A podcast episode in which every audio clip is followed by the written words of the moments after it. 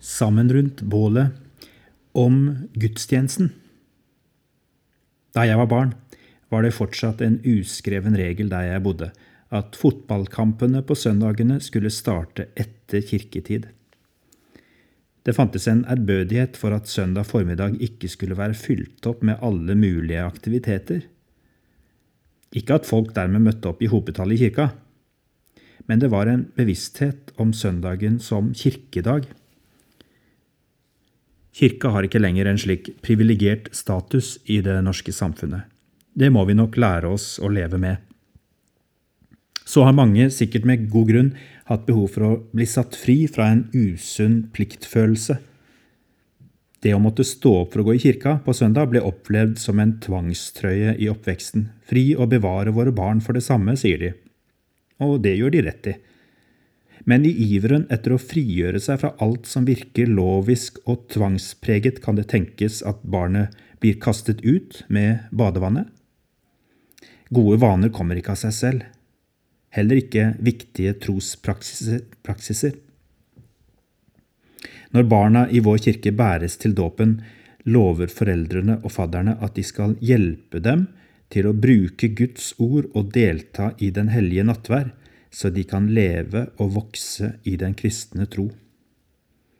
Noe av folks gudstjenesteangst bunner sannsynligvis i livsfjern forkynnelse og en fremmed uttrykksform.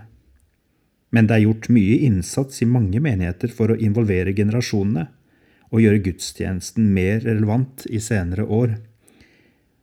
Kanskje ligger ikke løsningen først og fremst i å gjøre gudstjenesten mer spennende og mindre kjedelig. Kanskje trenger vi å tenke over hva gudstjenesten er for den som tror, og så fortsette videre derfra. Jeg tror det begynner med hva som motiverer oss, og hvilke utfordringer vi gir oss selv før vi bestemmer oss for å gå. Vi kan spørre hva gir gudstjenesten meg i dag? Det er et greit spørsmål. Da går vi i hvert fall ikke bare på autopilot. Vi går med en forventning om at Gud skal gi oss noe. Og i de fleste tilfeller har han mye på lager for oss. For det andre kan vi spørre hva gir gudstjenesten andre mennesker, og særlig nye mennesker, i dag, f.eks. noen som er yngre enn meg? Det er et enda bedre spørsmål. For på seg selv kjenner man slettes ikke alltid andre. Det kan være sunt å rette blikket litt bort fra seg selv og sine egne behov, særlig hvis vi kan være en del av svaret på spørsmålet. Vi kan f.eks. gjøre det til et mål at noen andre blir sett og satt pris på i dag. At det gjør en forskjell for dem at jeg møtte opp. Det kan være en fin måte å gjøre gudstjeneste på.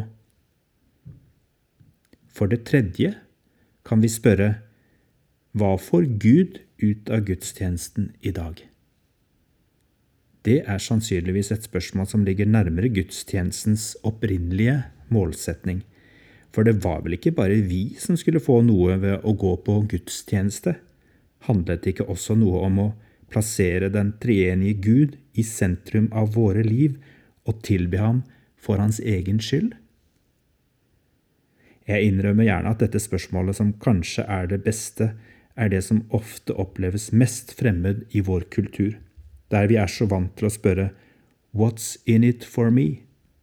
Vår tid trenger en bevisst motkultur, der vi isteden spør What's in me for you?